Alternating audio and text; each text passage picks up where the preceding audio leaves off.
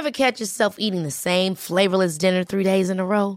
Dreaming of something better? Well, HelloFresh is your guilt-free dream come true, baby. It's me, Gigi Palmer. Let's wake up those taste buds with hot, juicy pecan-crusted chicken or garlic butter shrimp scampi. Mm. Hello Fresh. Stop dreaming of all the delicious possibilities and dig in at HelloFresh.com. Let's get this dinner party started. Hey, it's Ryan Reynolds, and I'm here with Keith, co star of my upcoming film, If, only in theaters, May 17th. Do you want to tell people the big news? All right, I'll do. Sign up now and you'll get unlimited for $15 a month in six months of Paramount Plus Essential Plan on us. Mintmobile.com slash switch. Upfront payment of $45 equivalent to $15 per month. Unlimited over 40 gigabytes per month. Face lower speeds. Videos at 480p. Active Mint customers by 531.24 get six months of Paramount Plus Essential Plan. Auto renews after six months. Offer ends May 31st, 2024. Separate Paramount Plus registration required. Terms and conditions apply if rated PG. Ni lyssnar på Bagge och Brobacke podcast. I 30 minuter varje vecka kommer vi ge vår syn på marknaden med fokus på pris, makro och sentiment. Välkomna! Så där var det dags för avsnitt 52 av Bagge och Brobacke podcast. Det är den 25 maj 11.07 när vi slår på inspelningsknappen här och eh, David, du är inte på plats i studion idag, utan du är hemma. Ja, tyvärr höll jag på att säga, men det är sjuka barn. Ja, så är det ibland.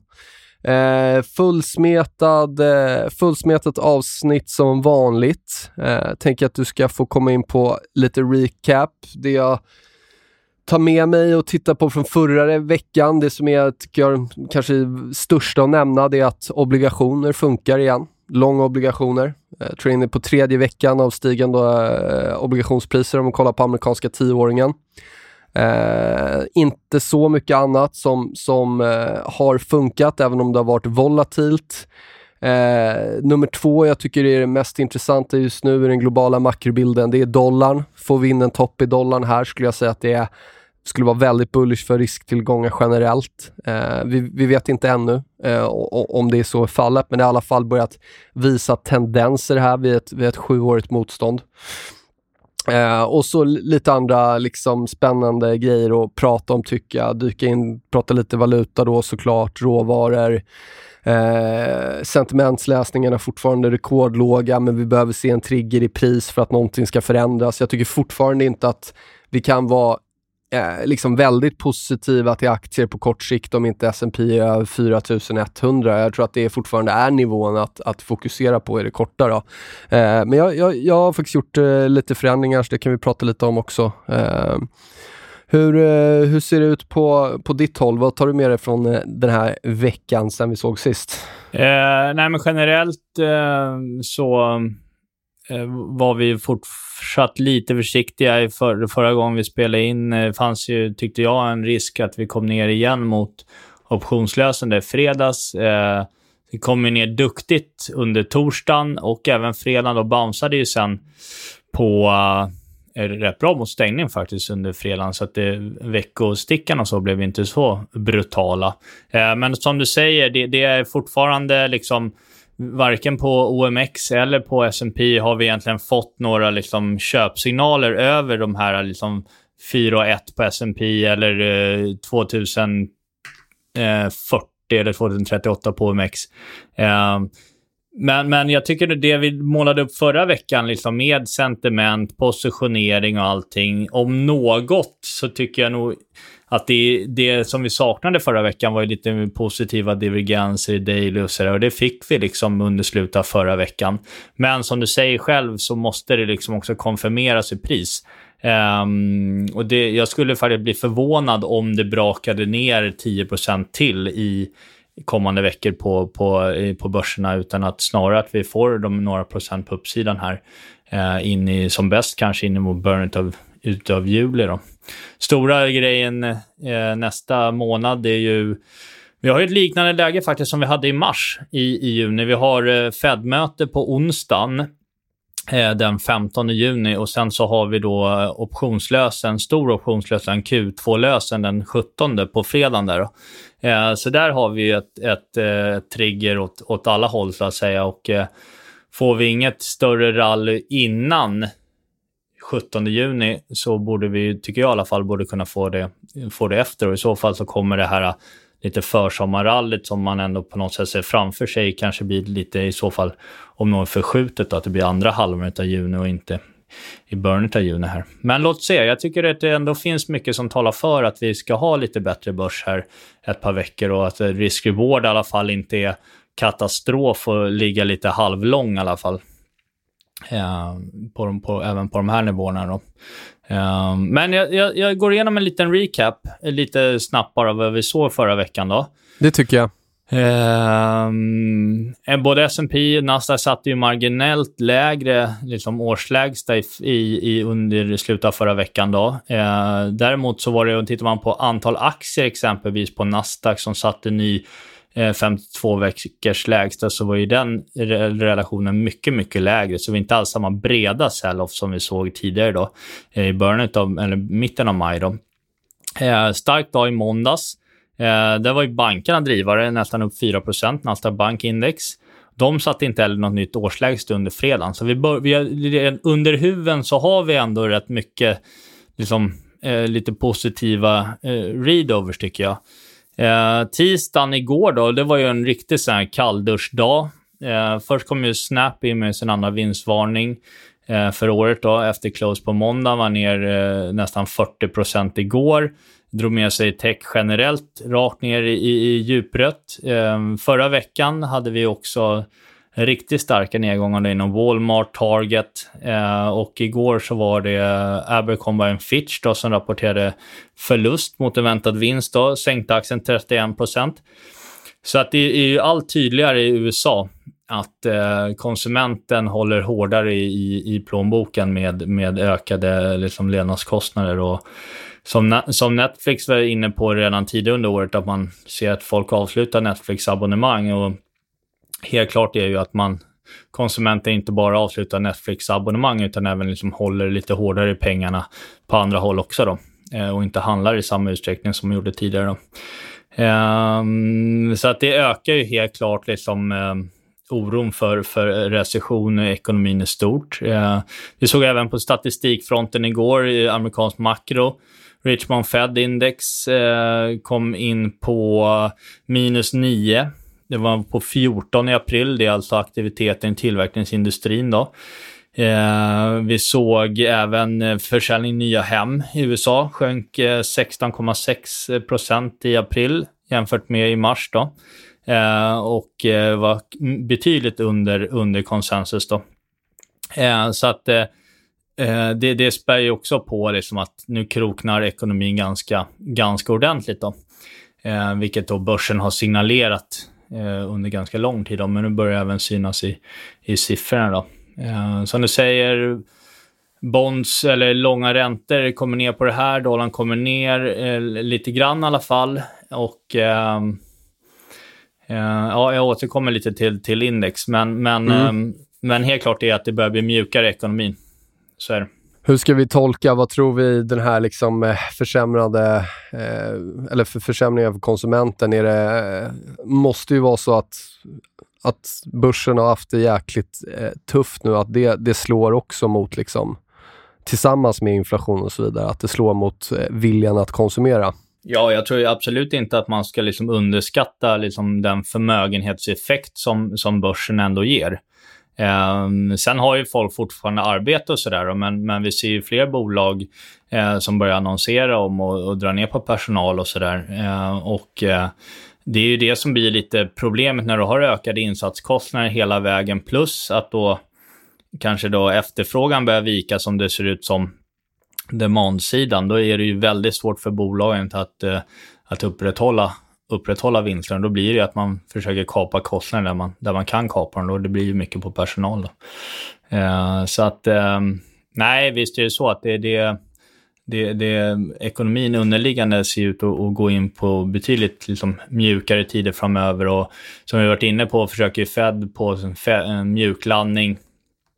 Ja, det i min värld det är svårt, svårt med mjuklandningar med den här leveragen i systemet. Det blir nog snarare en kraschlandning och sen så får de vända kappan vart det lider. Hur ser du på liksom eh, analogierna till 2008, just att du hade starka energipris, eh, energisektor, du hade starka ägs och så vidare. Eh, det var det sista som hände egentligen och när väl det toppade, vilket gjorde en, en bit efter andra banker och liknande, att det var, det var då fick vi den här full-out-recessionen. Eh, eh, gillar du den analogin? Tycker du att den är, är, hållbar i det här fallet? Ja, jag var inne på den för någon månad sedan. Ehm, mm, och eh, alltså det, den stora skillnaden från, från finanskrisen, eh, det är ju liksom att eh, att eh, det var ju en, en ren liksom, eh, bankkris egentligen och, och, den typen av leverage har vi ju inte i bankerna nu eh, överhuvudtaget. Eh, bankerna har ju helt andra balansräkningar liksom än, än vad vi hade då. Eh, mm. Och även, även bolagen har ju faktiskt lärt sig en hel del då.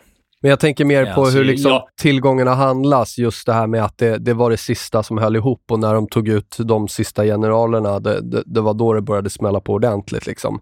Det är väl lite mer det jag menar om ja. att vi är på väg in ja. i ett sånt scenario för att även om, även om Nasdaq är ner mycket så har vi ju inte vi har ju liksom, det har inte spårat på något sätt ännu på, på, ner, på nersidan i, i många index. Liksom. Vi har ju mycket kvar om det här ska utvecklas till, till något större.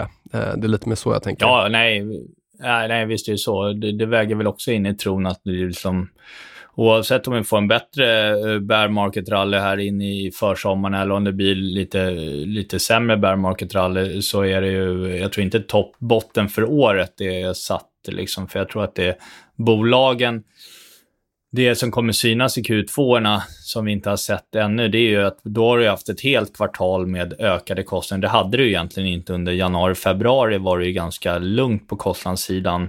Det var ju sen som exempelvis då eh, kriget bröt ut i slutet av februari. Eh, och jag skulle tro att eh, i januari var ju folk fortfarande ganska, eller under Q1 var man ändå fortfarande ganska konsumtionsvillig. Mm. Eh, även om liksom börser och så hade satt sig. Men nu har du även fått upp eh, räntorna ordentligt, jag menar eh, drivmedel ordentligt, eh, inflationen ordentligt. Eh, så att det, det, den stora risken för Q2-rapporten är väl att efterfrågan ger vika och det har vi inte sett i de svenska namnen eh, exempelvis än och det är lite amerikanska som har rapporterat nu då.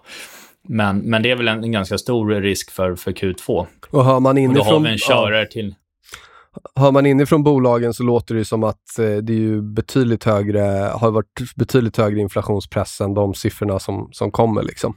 Eh, ja, precis. På mycket. Exakt. Det, det jag tycker är intressant också bara att ta med om vi tittar, blickar ut från USA, vi tittar på Sverige, vi tittar på Tyskland, vi tittar på Kina också. Eh, handlas ju mm. faktiskt mm. en, en bit över sina marslägsta. Eh, ja. Har ju inte kommit ner där, jag lyfter det igen, nämnde det förra veckan. Vad, hur ska vi tolka det att ändå världen och eh, Europa och världen handlas ändå relativt bättre än USA? Eh, kan, vi, kan vi läsa in någonting i det? Ja, jag skulle tro att eh, en, en grej är ju att det gick in väldigt mycket flöden i USA i Q1. Mm. Eh, amerikanska börsen höll ju uppe väldigt väl jämfört med både Asien och Europa under Q1 när, när kriget blåste här och då sökte man sig till ett safe haven i USA. Ehm, det är väl en förklaring. Ehm, ehm, en annan förklaring är väl egentligen att det, det har varit liksom, ja, det är så mycket, det är fortfarande liksom, det ser man ju fortfarande, det är inte liksom jämfört med den inflöde som var förra året eh, på en triljard dollar och merparten av det gick in i, i USA, så det utflöde som har varit har ju inte alls varit vad inflödet var. Så att nej, nej. Eh, så det gör ju också liksom att vi har, och liksom vi har pratat om tidigare veckor, vi har fortfarande inte sett den här. Vi har inte sett den, även om liksom S&P är ner lite, ja nu är det lite mindre än 20% på året och Nasdaq är väl ner lite mindre än 30% på året, så det är ingen kapitulation liksom. Alltså det, det, det, alltså, det är ingen kapitulation. Enskilda namn och så, men, men ja. inte indexnivå. Liksom. Alltså man, man blir ändå någonstans, det, det som läggs i contrarian-skålen, det är ju när folk börjar prata om bear market nu för att det närmar sig 20 ja. ner. Alltså kom igen, tech har varit toppad ur i februari 2020, många av de spekulativa grejerna. Mycket toppade ut Ja. i, i slutet av förra året. Alltså vi, jag, jag är lite svårt för den där definitionen att ja, men i 19,5% ner, då är vi inte i en bear market och sen 20 så är vi det. Det, det, det är väldigt... Nej, den, är, den blir löjlig. Ja, liksom. den blir löjlig. Eh, så så att, eh, frågan är inte om vi är i en bear market. Vi har varit i en bear market i, i, i mycket av, av saker, eller i de flesta eh, sektorer. Eh, liksom. sen, sen är det några saker som har hållit ihop. Det intressanta blir ju nu att förstå, är vi på väg, kan vi på, vara på väg ur och få en, en botten? Det, om det är en kortsiktig eller långsiktig botten, det återstår ju att se. Det, det är mer där diskussionen måste vara, eh, tycker jag. Eh, jag läste, jag såg lite analyser i veckan här. Eh, någon, någon, någon researchfirma som var ute och liksom, du vet, nu svängde ordentligt bearish liksom. Mm. Du vet, eh, S&P och Nasdaq och bara, ja, men Nasdaq är ner 30% den borde gå ner 75% sen toppen. Eh, S&P är ner 20, den borde bottna på ungefär minus 45% sen toppen. Och jag menar, den, den typen av den typen av analyser ser du ju inte när, alltså när allting går upp. Liksom. Det, det är ju liksom, har det redan satt sig, och den, det är då en del riktiga så här, dysterhökar, liksom, både få airtime och sen känna att de har lite momentum. Liksom. så är det. Ja. Så är det. Eh, och jag tror att det, jag tror att det, det, det, det är lite väl hårt att, spekulera liksom, i att vi har ett nytt, eh, en ny finanskris för dörren. Liksom. Alltså det, det är ju, Ja. det är ju dock, dock skulle jag ju säga att, liksom att någonstans för, för en bullmarknad så är ju varje nytt högsta pris, alltså det, det blir ju aldrig för dyrt. Och lite samma sak om vi nu är i en bear-marknad. Vi är under 4100 som jag tycker är ett liksom superviktigt stöd i, i S&P. Eh, vi får, om, om vi nu skulle se till exempel energi fallera totalt här, om vi ser de sista sektorerna som har hållit ihop, om vi ser en dollar som fortsätter att ralla och gå upp över sitt sjuåriga motstånd, alltså eh, det, det, det är liksom, eh, saker och ting kan ju bli värre. Eh, sen är ju frågan om det ska bli värre nu. Eh, å andra sidan då så tror jag verkligen att dollarn kan vara den där positiva triggen för att aktier ska bli hett igen. Eh, så så, så att det, det är ju det är mycket som står och väger här jag tycker allt annat lika så mår jag ju rätt bra av att ha en stor andel obligationer just nu för jag tycker att det spelar egentligen båda de scenarierna. Vi får en snabb räntenedgång, 2008 bear market, bondrallar.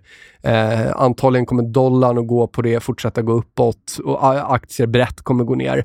Alternativt vi får Mm. räntor som kanske inte går ner supersnabbt, men, men i alla fall lugnar ner sig, vilket de har gjort. Och det tror jag generellt är positivt för marknaden, för att räntemarknaden är ändå den, den största marknaden för väldigt många institutionella investerare. Och det har inte varit bra för dem att de har tappat så otroligt mycket i sina eh, långa bondspositioner. Eh, så att, så att, att den slakten stannar upp, det, det är allt annat lika tycker jag att det är positivt.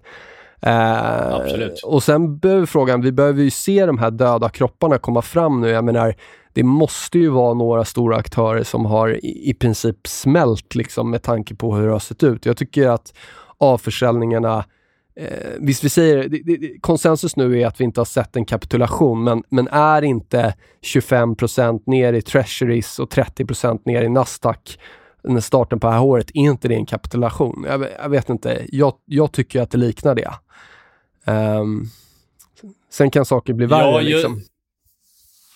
Ja, ja exakt. Eh, Men, men, men eh, som vi var inne på förra veckan, just nu så är det ju liksom... ehm, Det är så jävla nattsvart eh, på ren svenska, så Mm. att det, jag, jag skulle liksom...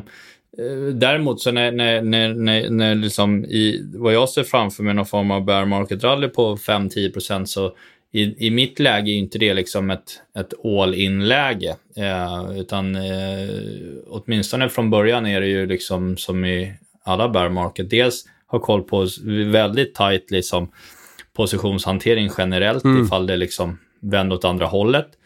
Eh, och sen inte kruta på för mycket liksom. Om du liksom får en Alltså läser man typ eh, spotgamma och så och kollar liksom optionspositioneringen i marknaden så är de inne på att vi inte kommer få något uthålligt liksom bear market rally innan, innan den stora lösen i juni då. Eh, och det stora stödet på nedsidan är på, på 3 och 7 då.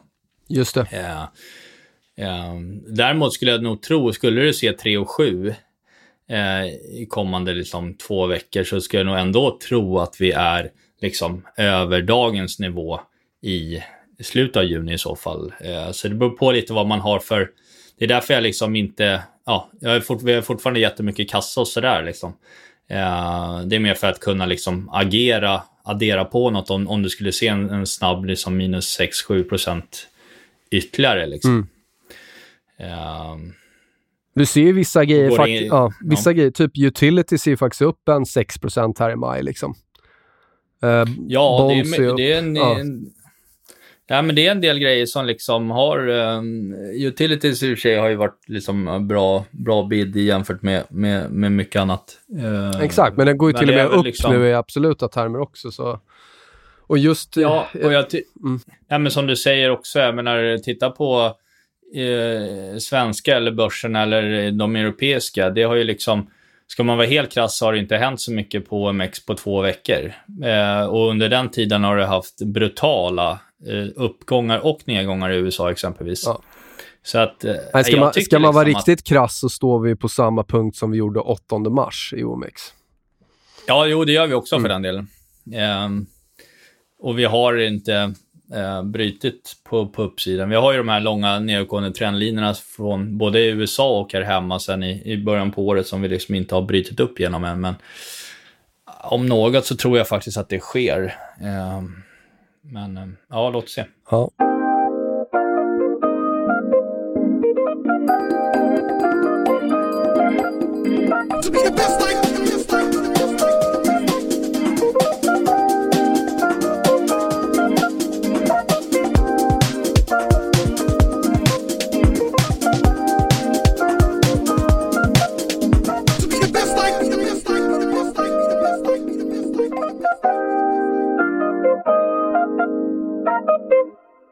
Jag tänkte om man skulle hoppa in på uppdatering på lite flöden som kommer här. I, vi är ändå månadsskiftet står ju för dörren. Det tycker jag. Ehm, och eh, då kan det vara intressant att se lite på de här, dels de här eh, ombalanseringarna i 60-40-portföljer och vad det skulle innebära för aktier. Eh, och där räknar eh, JP Morgan räknar med att det är 56 miljarder dollar som kommer in i aktier eh, i slutet på maj. Då. Eh, Medan Morgan Stanley är på 35 miljarder och Goldman på 11. Eh, men men eh, så sanningen ligger väl kanske någonstans mitt emellan där, runt 30 eller så. Då. Eh, om man säger då 35 miljarder, det skulle vara en av de starkare ombalanseringarna på månadsbasis tillbaka till eh, 2005. Om man tänker flö flöden in i aktier då. Eh, till det här då så ska man ju då komma ihåg också det som vi pratade om förra veckan. Eh, eh buybacksen som rullar, eh, 3-4 miljarder dollar per dag. Eh, som också rullar nu fram till mitten av juni innan Q2-rapporterna står för dörren sen då. Eh, ger ju också liksom, allt det här ger ju visst stöd till börsen då. Eh, och eh, nå- något som är ännu lite mer rörligt, det är ju eh, om man tittar på alla passiva strategier. Eh, vi vet ju att eh, all, all, all form av passiv investering har ju liksom ökat lavinartat i, i popularitet sen, sen 2009-2010 ungefär. Eh, till, till de aktiva förvaltarnas stora förtret. Och eh, smart beta-produkter är väl det som liksom har verkligen fått liksom, dels både lanserat sedan 2009 och fått otroligt stora inflöden. Den industrin är ju 1,5 triljarder dollar i eh, asset under management. Då. Eh, vi kommer ihåg vi, när vi körde en podd i november, nu är det ett halvår sedan, men då var det ju en jättestor ombalansering i, i en riktigt stor smart beta som heter iShares MSI Momentum Factor ETF. Då. Just det. Ehm, och den gången, under hösten gick ju tech väldigt starkt. Så den gången så maxade ju den smart beta-produkten upp tech-allokeringen då i slutet av november. Det var väldigt, väldigt dålig timing på det kan man säga. Det var ju, då hade ju Nasdaq liksom redan toppat. Det var ju Och sen dess är ja. också mega ja, tech är va, som den- upp. Ja, Ja. och sen, den, den, sen dess är den eh, smart beta-produkten är också ner 30 eh, sen eh, toppen i, den toppade där i november då, och ser ut ungefär som Nasdaq på grafen. Eh, däremot så ska man nu göra en, en, en översyn av den här då, i, nu i slutet av maj. Då. Det är alltså nästa vecka. Eh, och göra så att den blir mer, ja, mer, mer lågvolatil, vilket, vilket kanske är, är, är vettigt för den här typen av produkter. Eh, det är 10 miljarder dollar eh, under eh, management i den här då. Och eh, hela 75 procent av innehaven i, i den här ETFen ska skiftas nu i slutet på maj. Då. Och det man gör det är som, som alltid i smart beta-produkter, man screenar i de aktier och sektorer som har gått starkt sista halvåret och viktar upp dem och så viktar man ner de som har gått svagt. Eh, I det här fallet då så kommer eh, man satsa på value och energi då och defensivt generellt då med lägre volla, stabila vinster, stabila utdelningar så som exempelvis hälsovård. Medan då tech eh, och eh, mer ekonomiskt känsliga banker då får stryka på foten då. Eh, och exempelvis hälsovård som nu står för 12,5 procent av den här tillgångarna kommer ökas till 27,6. En, över en dubbling av hälsovårdsallokeringen. Energi som är på 7,1 procent får en vikt upp på 18,7. Oj, Så stor förändring. över en dubbling där med. Ja, verkligen. Staples är väl den som procentuellt kanske ökar mest. Den går från 3,8 till 17,7. Eh, Medan tech då, från 31,1 som man då alltså maxade in i, i november, slashas till 9,8 procent. Och financials går från 24 till 7 procent. Eh, utilities går från 0 till eh, 6,8 procent efter, efter maj här då. Eh, consumer discretionary från 8,5 till 1 och eh, communication services från 5,5 till 0,2. Eh, så att det här, och det här är ju såna här eh, liksom, liksom eh, indexomviktningar. Det är mycket som sker liksom sista dagen i kolen. Just det. Eh, så att eh, tisdagens, och det är inte bara i USA, utan tisdagens eh, handel på alla börser egentligen, då har vi MSCI-omviktningar och alltihopa. Eh, tisdagens eh, volymer eh, nu på tisdag kommer ju vara brutala och väldigt stora calls i väldigt många aktier. Och man vet ju redan nu att folk kommer skriva på Twitter bara vad händer i den och den aktien, vad händer där och där. Eh, men det är ju de indexomviktningarna då. Just det. Intress- Ja, så tisdagen är en sån här som kan vara kul att sitta med i kolen på slutet på. Då. Säsongsmässigt så är det ganska intressanta tidpunkter. Dels så är ju egentligen från maj och framåt eh, enligt säsongsmönstret en svag period. Sen har du ju presidential cycle eh, och det här ska vara en väldigt svag period även där. Eh, och sen går du också in för råvaror så tenderar den här perioden framåt till i höst att vara en svag period också. Eh, på det Ja. nu så har du ju fått in då en toppade inflationsförväntningar om vi kollar på räntemarknaden och så vidare. Så Ja. jag, jag skulle ju säga så här, allt annat som, jag tror jag nämnde det förra veckan också, men om vi inte ser fortsatt svag marknad här, det, det- det, skulle i så fall gå ifrån det historiska mönstret. Eh, det normala hade varit, och även om det kommer från en väldigt svag period innan som ska vara historiskt stark, det normala nu eh, månader framåt här, det är att det är tufft. Eh, så, så det kanske man ska ha med sig. Eh, det, det säger ingenting om riktningen, men jag tycker att det säger ganska mycket i hur marknaden kommer att handla going forward här ett par månader, om det stämmer överens med hur det brukar se ut, alternativt om vi får en avvikelse från det. Eh, det tror jag man kan läsa Mm. in ganska mycket i. Mm. Eh, Nej, men det- det- men också intressant just med tanke på de här omviktningarna, om vi nu ser eh, liksom ser att de här tidigare ganska låga allokerade sektorerna, att de får en större vikt och så vidare. Ja. Man kuttar tech här, om det nu skulle vara så att vi får liksom ett rally både i obligationer och tech och faktiskt råvaror kommer ner här.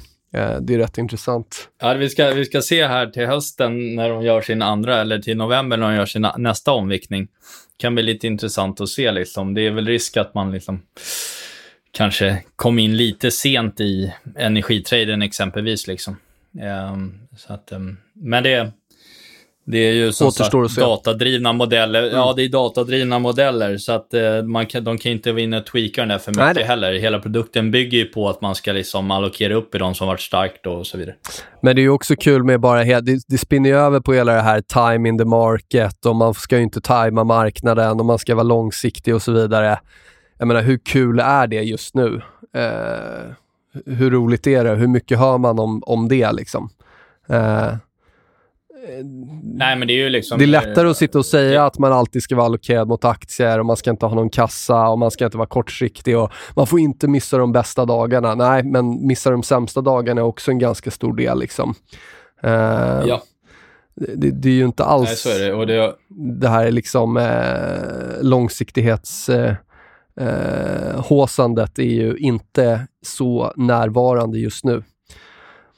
Eh, nu, Nej, nu, och nu är det det- plötsligt det- en fördel att kunna vara kortsiktig och vända kappan och sådär. Eh, tycker jag. man, man, man vet ju liksom när, när, när det bara handlar om teknisk analys och så på liksom Bloomberg och CN, CNBC. Då är vi en bear market. Det, ja, eller hur? Det är liksom, annars är det bara long only-förvaltare i studion. Ja, men det är liksom. också så här, TA är, TA är astrologi när, när allt går upp, men, Ja. men så fort saker och ting börjar gå ner, då är, ty, då är plötsligt glidande medelvärden och WeWap och, och, och Fibonacci och stödnivåer och motstånd, då är det plötsligt eh, något som, som fundamentalisterna kollar på också. Då. Att, eh, det ja, det var lite roligt. Jag, jag, skrev, jag, jag hör väl eh, kanske till bland de få som har skrivit en, en eh, magisteruppsats i teknisk analys. Ehm, och eh, det var ju 2009, 10, 2010 var det. Eh, och eh, sen när det blev någon bear market där, jag tror att det var i samband med grekkraschen 2011, Eh, då hade ju eh, Sven, Svenska Dagbladets näringslivsbilagan, de, hade ju, de lyfte ju upp vår, eh, vår uppsats på en liksom helsida mitt i tidningen. Som att, nu ska vi gå igenom teknisk analys, så här finns en ny, här finns en ny uppsats på ämnet. Liksom. Ja, det var lite roligt. Eh, var det botten i marknaden också? Ja. men det var ungefär där. eh, Det var väl ungefär samtidigt som det vände Ja. mitt i augusti. Men, där. men eh, skämt åsido, Mm. det finns ju faktiskt, om man, om man eh, liksom har lite tid över och vill, vill, vill ställa saker till sin spets, så det finns ju eh, ganska, det, finns, det är väl både Nobelpristagare och, och andra väldigt stora stora forskningsarbeten som har gjort på att pristillgångar trendar och det är ju hela grunden till teknisk analys. Eh, så det kan man ju, det kan man ju kika och ro, roa sig med och titta på liksom att även, även från liksom eh, så, så nationalekonomiskt håll och liksom eh, eh, researchmässigt från de största universiteten i världen, MIT och allt vad det är, så finns det ju liksom flera, flera resultat som visar att pristillgångar trendar och det är ju någonstans grunden i i, i eh, att följa pris. Eh, vi, vi försöker identifiera och- pristrender och- liksom. Och faktum är, när man satt som mäklare och satt och hade liksom long only förvaltare som kunder, så är det ju faktiskt, även om, även om de inte liksom i mångt och mycket kanske eh, erkänner att de tittar så mycket på pris, utan mer på fundamentala eh, i, bolagen, så är det ju fortfarande så att när man pratar med dem i telefon på dagarna, så är det mer så bara, ja men du, vad, när, när är, var, var ligger liksom nästa stora stöd, den här och den här aktien, liksom, hur ska jag liksom, vad, vad, var tycker du man liksom kan sikta på att addera upp, för vi är lite sugna på att öka i vårt befintliga innehav, liksom. men är det lätt läge att göra nu, liksom, äh, men du kan nog vänta ner en, en liksom 8%, så ja men det är bra, men slå med en pling när vi kommer dit och så här. Så att liksom, folk är ju liksom, folk är ju mer, även på stan, mer intresserade av, av rörelserna än vad liksom än vad man ger sken av Ja, ja. i, presentationen och så Det är många closet... Alla vill, ju, alla vill ju ha ett bra läge liksom. Ja, alltså. Det är Alla många, vill känna mycket, liksom, många closet technicians där ute som jag brukar säga. just det. det, det gamla, den gamla dängan. Ja. Eh, nej, men annars tittar man på kreditmarknaden så mår ju den fortfarande liksom riktigt, riktigt eh, dåligt. Eh, vi hade ju både i, i den här veckan, både i Europa och i USA, om man kollar på deras eh, motsvarighet till TITX Crossover som vi har i Europa, här, så sätter vi ju liksom mer eller mindre nya högsta för året där. Fa- Och Fast, det där är ju någonting som... När jag Det kollar, är ju när jag liksom kollar på uh, high, high Yield ETFen och LQD, alltså Investment Grade ETFen. Ja, de har ju börjat vända upp. De är ju Ja. faktiskt över där de var i början av maj. Eh, Och det, det tänker jag att det hänger ihop med att, att räntor har, har börjat sjunka. Liksom. Så att vi ser faktiskt... Ja, det är en positiv read. Ja, vi ser faktiskt, inte om vi kollar på kanske spreadarna, men kollar vi bara på de kontrakten, High Yield och LQD, så handlas de högre. Eh, I alla fall sidliga. De har, för att någonting ska sluta gå ner så, så eh, eller för att någonting ska börja gå upp så behöver det sluta gå ner. Och det är i alla fall någonting som har börjat ske i de kontrakten. Så det, det måste jag ändå säga, det, Ja. det lägger jag till någon typ av positiv vågskål eh, slash eh, motargument mot fortsatt stigande räntor och inflationsscenario. Ja, nej, min, min, min take på, på, på spreadarna är väl liksom att det här ser ju centralbankerna väldigt väl. Det görs inte så mycket nya eh, emissioner och så här, både i Europa och i USA. Och det är ju en väldigt viktig del av liksom, försörjningsmekaniken i, i, i, i marknaden. Just det. Eh, och eh, i, i min värld är det ju så att visst, man kommer blåsa på med några till räntehöjningar. Jag tror inte det blir så det är jättemånga. Eh, det var ju någon, var det Boston eller någon som var ute igår från Fed var och sa att man kanske skulle liksom ta det lite lugnare till hösten vad gäller räntehöjningar och så. Så att första, första skedet blir väl egentligen att man kommer fram till att vi ska nog inte göra så mycket QT. Utan eh, Just det. Liksom, det här med att banta balansräkningen var inte så bra. Liksom. Inte den här gången heller. Liksom. det har ju aldrig funkat. Liksom. Så bara förväntningarna på att det inte blir lika må- alltså det som prisas, för det som prisas in nu är det, är det ju rejält många räntehöjningar. Bara, bara en förväntansbild om att det inte infrias skulle kunna vara ett, ett litet lättnadstecken. Ja, ja, det skulle kunna vara. Ja. Och det skulle kunna vara det vi absolut. ser redan i eh, amerikanska tioåringen. Ja, nej, men visst är det så. Vi- Visst kan det vara så. Och eh, det skulle ju också möjliggöra liksom ett, liksom kanske ett bättre liksom bear market rally än vad man själv ser framför sig också liksom in i.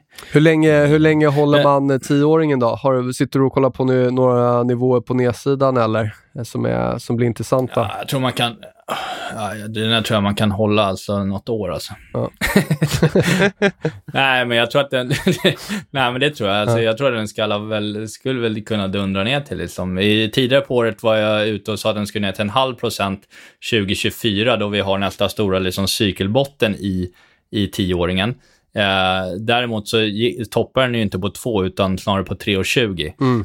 Eh, så en halv procent härifrån, det, det, är ju, det är ju, det kanske känns väl, väl aggressivt. Men Mm. Typ- liksom en, en och en halv procent, Ja. det, det, det, tror jag absolut inte Den där dåligt, stora nivån N4 som var liksom en superviktig Ja, nivå. ja, som, exakt. där. Ja, exakt. Mm. Det är ju en bra resa i Eh. obligationer. Då kommer man tjäna mycket på det benet om det rör sig hela vägen dit. Ja. Nej, men det, det, det är liksom inte alls... eh, Men då är frågan, då ställer jag det igen mot väggen här nu Bagge. kommer inte ske, ske, kommer inte ske ett bräde. Nej, nej, men, men, men om Mm. vi säger så här nu då. Är det ett scenario likt 1979, där, vi, där 1980, Death of Equities 79, där vi får både obligationer och aktier som stiger? Eller är det ett 2008-scenario där obligationer stiger och aktier ska ner i backen? Ordentligt. Recessionsstyle. Ja. Alltså, det, ja, alltså det här 3 och 5 på S&P tror jag kommer. Liksom. Eh, det, men, men härifrån, jag menar, det, är liksom... Det är typ 12-13 procent. Ja. Jag tror liksom inte att vi ska ner 30 procent härifrån. Nej. Eh, jag tror inte det blir den typen av liksom starka... Eh, det, det man ska komma ihåg att det vi inte hade i samma utsträckning på 70-80-talen och inte heller liksom 2021, 22 eller förlåt, eh, 01 och 02. Det var ju egentligen centralbankerna. Mm.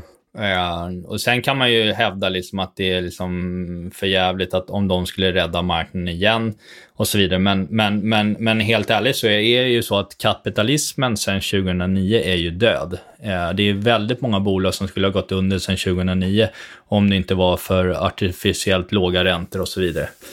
Det är inte en slump att det finns typ 20% zombiebolag på, på liksom Russell 3000 och så. Liksom. Stämmer. Eh, så att eh, sen om man vill kalla det liksom riggat game eller vad man vill kalla det. Men, Men det är ju liksom, ja, det är vad det är. Det är bättre Ja. att strunta i och bry, sig- Men det är ju vad det är liksom. Ja. Man, man får liksom hacka i sig liksom att det blir, det blir det för jäkla blodigt någon gång så kommer liksom centralbankerna till undersättning. Eh, det, är förmodligen en hel del som hade hoppats på att de skulle ha kommit redan. Eh, men det här typen av inflationstryck och så gör ju att de, de kan ju liksom inte börja med, de har ju knappt börjat med räntehöjningar, de kan inte börja med sänkningar nu liksom. Men jag tror att det viktiga för, för, för börsen är ju inte räntehöjningen egentligen, utan det är ju balansräkningen. Och skulle de signalera där någon gång i höst att nej men vi hoppar det här med QT liksom. Vi, vi, får, vi får liksom, om något så ska vi börja öka på med QE liksom. Ja, då, då är ju botten satt liksom. Hi, I'm Daniel, founder of Pretty Litter. Cats and cat owners deserve better than any old fashioned litter. That's why I teamed up with scientists and veterinarians to create Pretty Litter. Its innovative crystal formula has superior odor control and weighs up to 80% less than clay litter. Pretty Litter even monitors health by changing colors to help detect early signs of potential illness. It's the world's smartest kitty litter. Go to prettylitter.com and use code ACAST for 20% off your first order and a free cat toy. Terms and conditions apply. See site for details.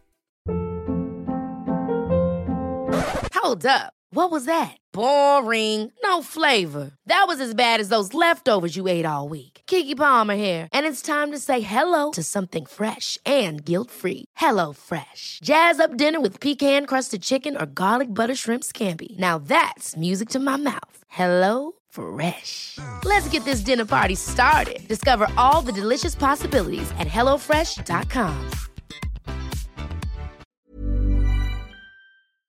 Vad tror vi om eh, i det här Ja. caset om vi blickar över mot valutan och sen i sin tur typ emerging market, framförallt Kina. Eh, Mm. Borde ju borde ju i ett sånt scenario vara en, en trade man vill vara lång.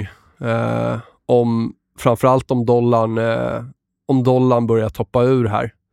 Eh, Ja, och Kina, de gör ju på daglig basis, vi har flera gånger nu sista dagarna sett liksom att eh, eh, de är inne och liksom gör allt för att liksom stötta ekonomin. Man ligger på och pressar på bankerna, liksom exempelvis att låna ut mer pengar liksom för att liksom, eh, få mer smörj i ekonomin och så vidare.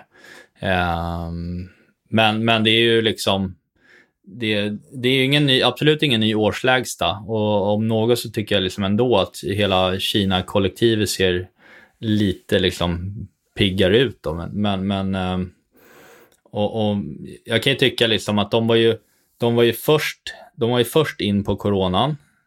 Eh, De var absolut först in att strama åt ekonomin. Det gjorde de ju redan tidigare. Det var ju ett och ett halvt år sedan man Ja. stramade till ordentligt. Eh, ska de vara Och, först eh, upp då och vända alls- också? Ja, för, först, ja, det har de ju börjat göra Mm. ganska ordentligt, men det får ingen bäring på kurserna än. Nej. Men, men, men, men på marginalen är det ju klar, det är ju stödjande liksom för, för, för börsen där borta. Ja, Sen är det ju... så att jag, ja, fortsätt. ja, jag är inte så liksom orolig för Kina här egentligen.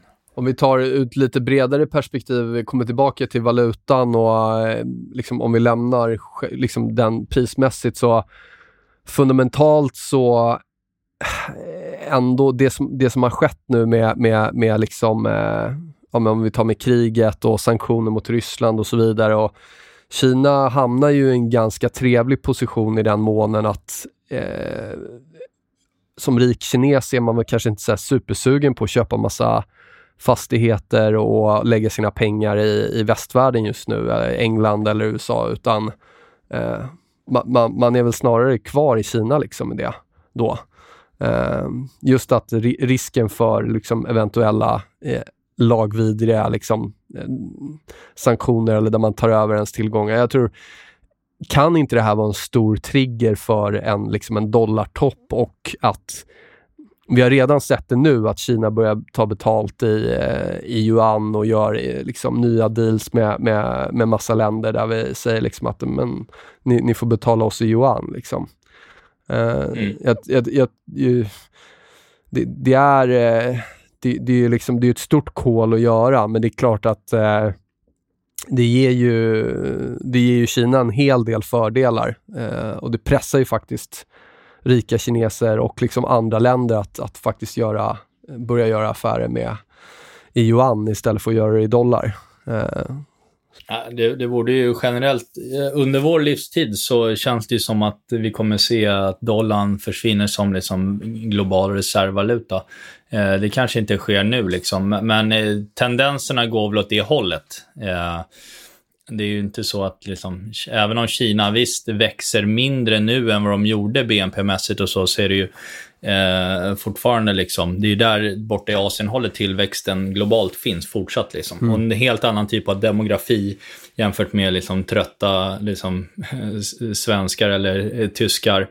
Eh, eller, eller för den delen amerikaner för den delen också. liksom. USA är väl exempelvis bland de få länder där medellivslängden minskar, liksom, eller sjunker. Eh, de har ju rätt mycket problem där med, med sina droger och så vidare. Eh, så att, eh, nej, ska man eh, hoppa vidare Ja. lite på absolut. indexnivå då. Eh, Jag la ut en graf på Twitter igår. Eh, fick någon mothugg för någon direkt här att du kan inte vara ute och skriva så bullish. Och det jag gjorde var egentligen bara att om vi nu väl bryter över... Jag bara, förlåt, jag får bara bryta in där. Gud, folk blir riktigt provocerade om man uttrycker något, eh, något bullish här, märker jag. Eh, det är lite tvärt emot, Ja, nej, det- det, är lite det- tvärt emot hur det, det- var för ett år sedan, när vi bäsade. Ja, ja. ja, ja. Nej, men då blir man ju liksom, folk garvar liksom. Bäsbagge liksom. Bäspodden. Och lägg Ja. liksom. Det här ska, ja, bäspodden, det här ska till, till skyarna liksom. Eh, nej, men om vi nu går över de här liksom 20-40 nivån, det är 2 dit då på OMX. Eh, I en piggare, en piggare värld, det blir lite drag i nästa vecka exempelvis, så kan ju det ske liksom ganska fort. Då.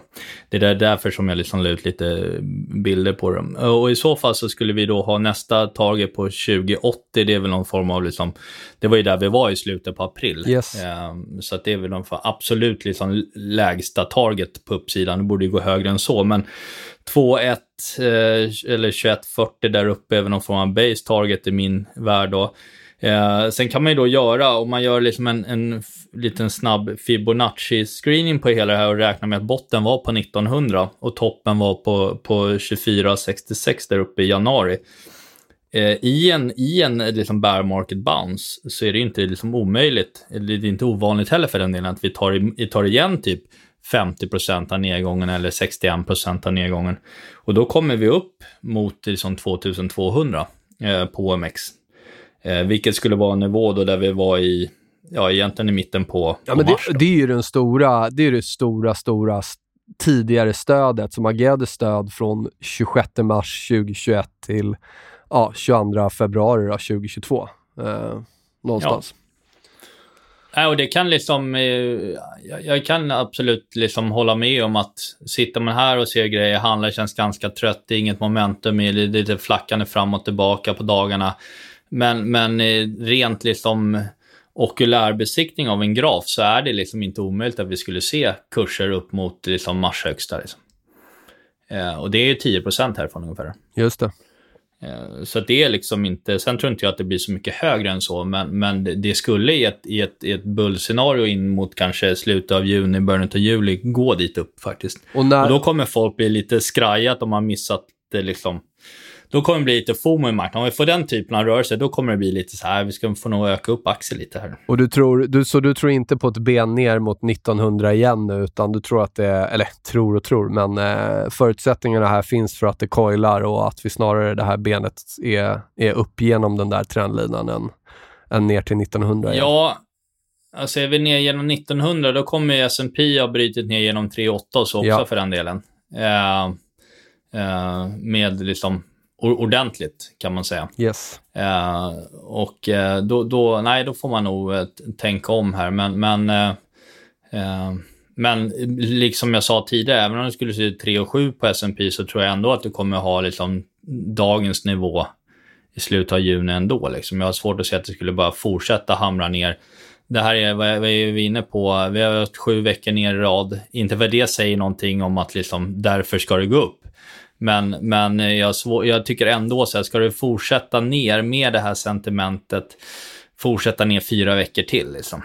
Äh, jag tycker det känns troligare liksom att vi får några veckors motreaktion på det här. Um, med, det, med, med den saken sagt så är det ju liksom, eh, tycker inte jag att det är ett liksom all in-läge på det. Framförallt inte innan vi har fått de här köpsignalerna. Nej. Ehm, Det, något, jag tycker, Jo, eh. något jag noterar bara om jag får flika in, det är ju om vi tar bit, Mm. bitcoinen då som är, är en ganska bra temperatur på, på eh, riskviljan och den korrelerar mycket med Nasdaq, det, det vet vi alla liksom. Eh, som det ser ut i Ja. alla fall. Att vi, inte, att vi fortfarande hovrar runt 30 000 efter den här stora Luna-scammen, att den gick, att, vi inte, att det inte blev mer ett blodbad i, i bitcoin. Det kan jag tycka någonstans, visst vi var nere och petade på 25 000 där och så studsade vi upp, men att det inte har blivit mer ett blodbad, det, det är lite på något sätt, okej, om, om vi kan ha en så stor utradering och scam och smäll och ändå så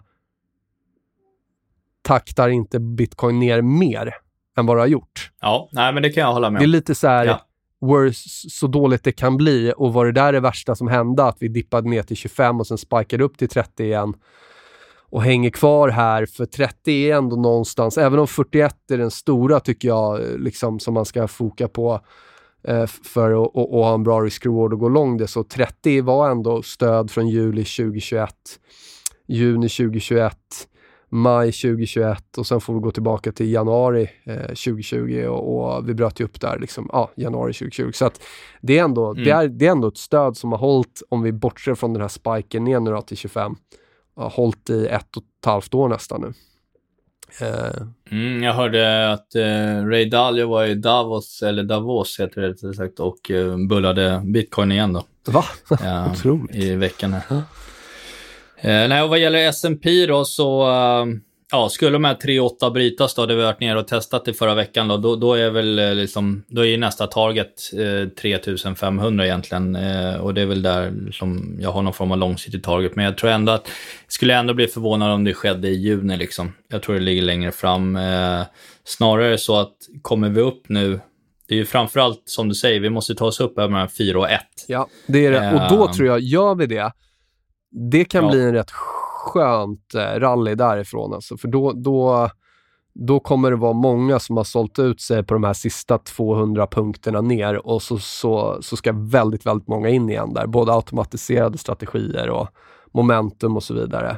Jag, tr- jag tror, det, jag, Ja. jag, jag gillar egentligen inte att vara så binär, över eller under, that's it. Men i många fall, och speciellt i det här fallet, och det, det går att applicera på många av de här utbombade techkontrakten och så också nu, att det är väldigt tydliga linjer i sanden på, på var, var vi kan vara långa och var vi liksom kan bli positiva. Eh, Och, och det tycker jag för... Nej, det, ja. så är det ju. Och tittar man på lite FIB-nivåer på S&P då, så skulle vi bryta upp över det här så är det 4200 ungefär. Det är 38 procent FIBen av årets nedgång då. Eller upp mot då 50 procent som kanske är mer, mer troligt då. Då är vi 4315. Och best case är 4400 eh, för någon rebound in i, i början på, på juni då. Eller förlåt, början på juli. Och, eh, men då, då har vi också gått, skulle vi gå ända dit upp till, till 4 och 3, 4 och 4, då har vi haft en rätt bra resa från 3 och 8. Så är det. Eh, verkligen. Och jag tror vi, vi ser det, det, det vi, den rörelsen ser vi om dollarn fortsätter att tappa här. Jag tror att det är, tror att det är en stor nyckel eh, till, till att det ska hända. Eh, Eh, även Nasdaq satt jag och kikade lite på. Eh, eh, där har vi ju liksom i S&P en, en volatilitet eh, som på Nasdaq heter VXN istället för VIX då.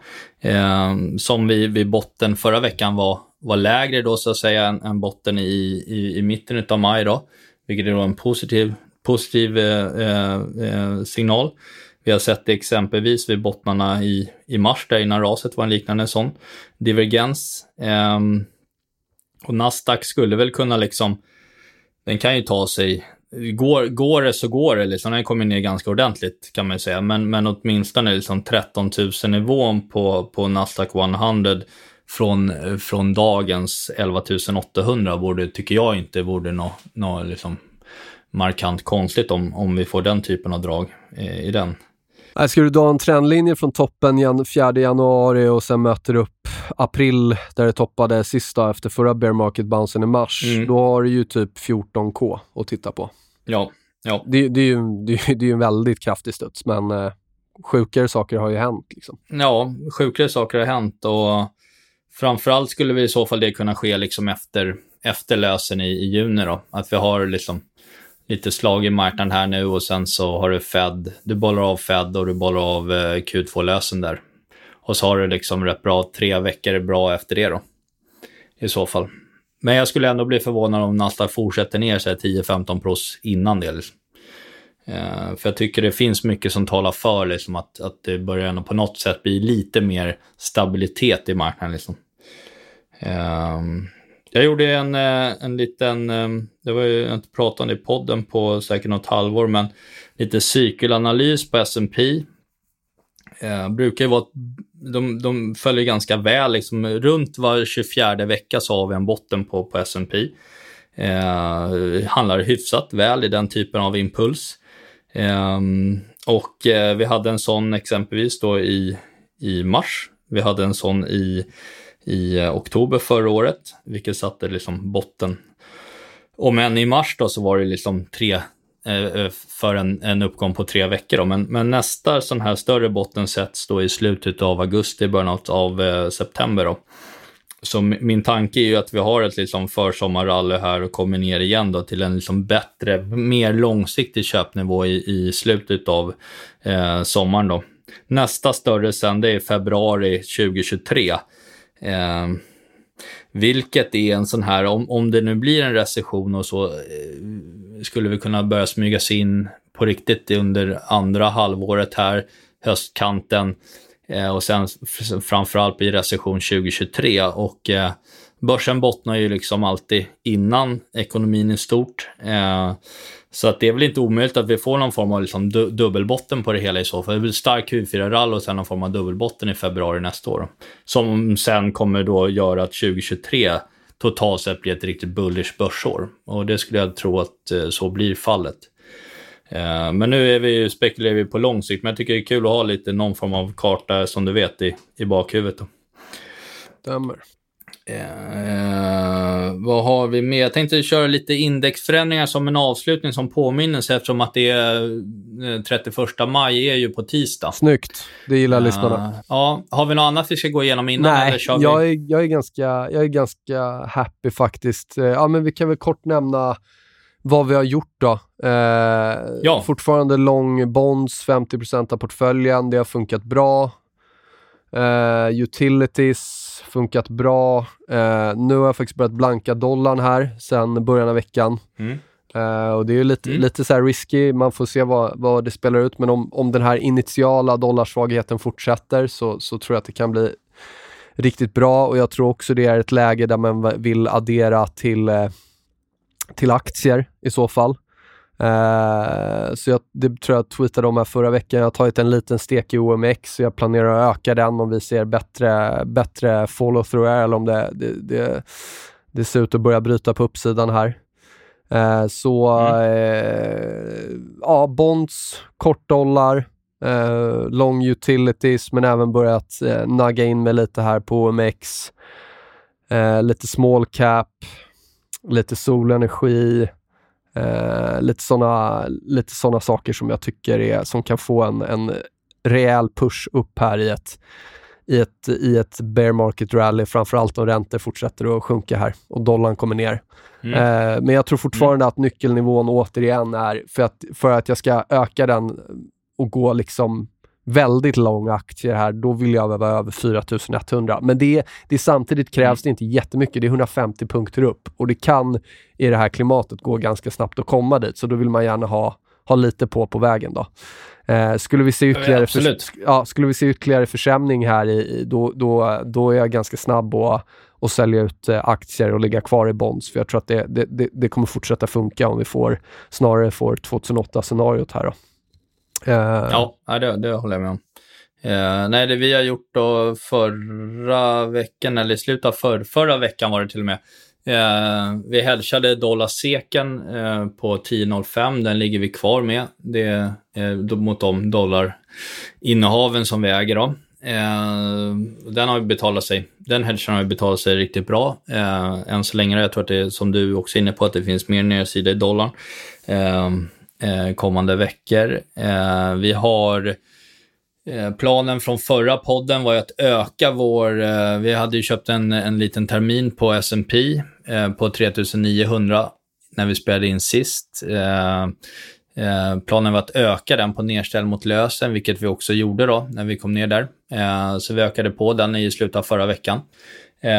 och så hade vi också en säljoption som vi ägde sen i mars på 4000-nivån på S&P med lösen i augusti.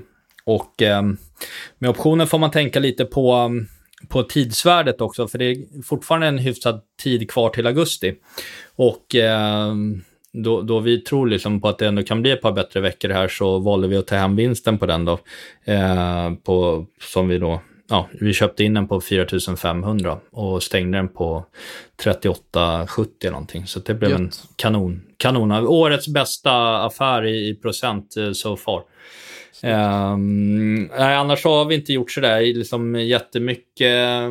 Köpt lite OMX här häromdagen, men fortfarande lite småpet. Jag skulle helst se att, liksom du, att det bryter upp över. Vi äger kvar våra långa bond som har faktiskt börjat, ja, som du är inne på, börjat leverera.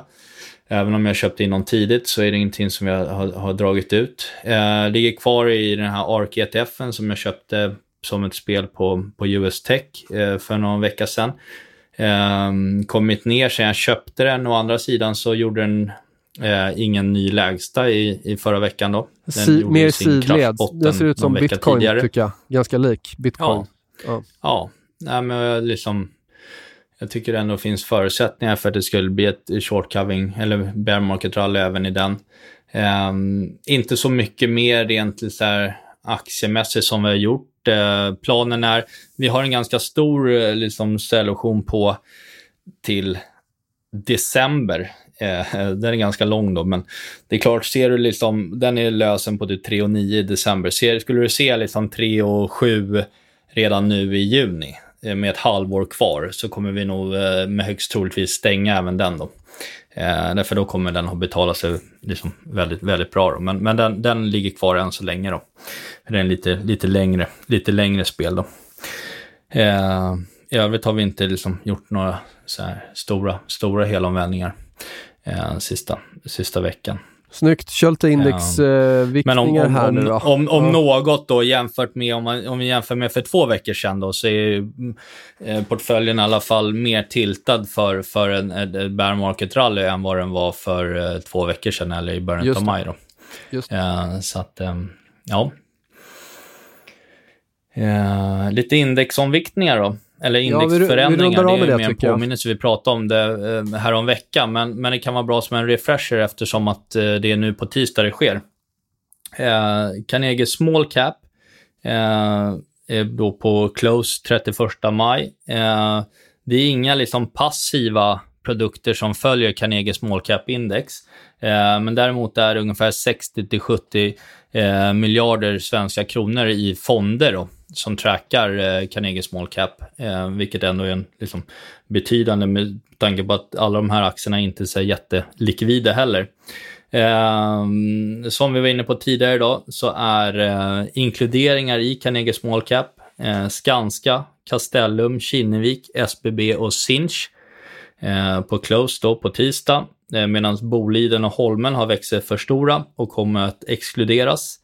Eh, sen är det ändå en rad eh, andra bolag som kommer att eh, inkluderas per automatik. Då. Det kan vara nya bolag eller bolag som har bytt lista. Det är då Fortnox, OX2, Norva 24, SLP, Nivika, Klarabo, Momentum Group, Tobii Dynav Dynavox, Mangold, Solid och eh, Nanologica. Um, och eh, sen såg jag också eh, den här VIX, VINX Benchmark, det är alltså den nordiska, nordiska indexet då, eh, inklusive OMX, eller förlåt, inklusive Oslobörsen då, även fast det inte tillhör Nasdaq. Eh, där har vi också en rad av samma namn då, eh, som inkluderar typ Fortnox och så vidare. Även här kommer Volvo Cars kommer in, eh, exempelvis Byggmax, Clas Ohlson, Carnov Group, eh, vi har som tas ut ur indexet då, så har vi Storskogen, Scatec Solar, vi har eh, Fingerprint som åker bort, ISS, Byggfakta, Avanza Bank, eh, och eh, Vitrolife då. Sen vet inte jag hur många liksom, fonder det är och så som är som trackar det här liksom nordiska, nordiska benchmark-indexet då, men, men det är i alla fall lite, lite förändringar även i det då som kan vara värt att hålla koll på. Um, så att um, kolen nu på tisdag är en sån där stängningskol som brukar vara kul att sitta med i, för det blir väldigt stora volymer en del aktier. Och lite Snyggt. skeva priser, en del mindre, som kan behöva pressas upp ordentligt för att uh, fonder ska in och så vidare. Ja, Uh, förstår. så att, uh, Ja, nej i övrigt sådär inte så mycket mer. Eh, lite längre avsnitt idag, en timme. Det är väl bra inför långhelgen. Eh, Tycker nog för jag. att det är öppet och så på, det är öppet som vanligt på fredag, men det är ju ändå många som kanske inte inne och gnuggar på kontoret hela dagen liksom. Nej, imorgon är ju öppet Ehm. i resten av världen också. Så. ja. Ja. Men eh, bra, då tycker jag vi säger så. Tack för att ni lyssnar. Ja. Eh, Kul att ni fortsätter att höra av er. Avsnitt 52 eh, börjar bli klart. Tack Bagge. Även om du var inte här idag så funkar det ju ändå, tycker jag. Tror jag Ja, det ljudet blir helt okej också. Eh, ja, inte så mycket mer. Eh, ta hand om er där ute och ja, tänk på risken. Det brukar jag säga varje gång, men tänk på risken. ja. Tänk på risken och ha en riktigt skön helg. Ja, det ska, det ska vi ha det. En superhelg. Ta hand om dig David. Ja. Vi hörs. Ja, detsamma. Vi hörs. Jag vill- Tjena. Tja, tja. Hej. Hej. Hej.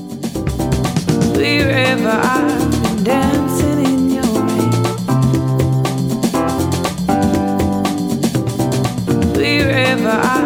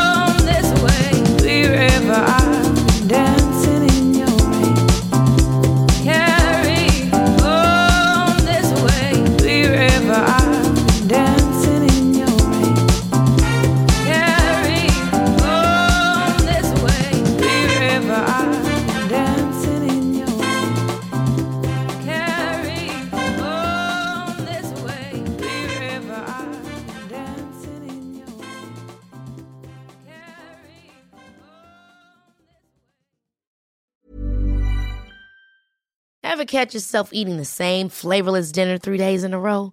Dreaming of something better? Well, HelloFresh is your guilt-free dream come true, baby. It's me, Kiki Palmer. Let's wake up those taste buds with hot, juicy pecan-crusted chicken or garlic butter shrimp scampi. Mm. Hello Fresh. Stop dreaming of all the delicious possibilities and dig in at HelloFresh.com. Let's get this dinner party started. Hi, I'm Daniel, founder of Pretty Litter. Cats and cat owners deserve better than any old fashioned litter. That's why I teamed up with scientists and veterinarians to create Pretty Litter. Its innovative crystal formula has superior odor control and weighs up to 80% less than clay litter. Pretty Litter even monitors health by changing colors to help detect early signs of potential illness. It's the world's smartest kitty litter.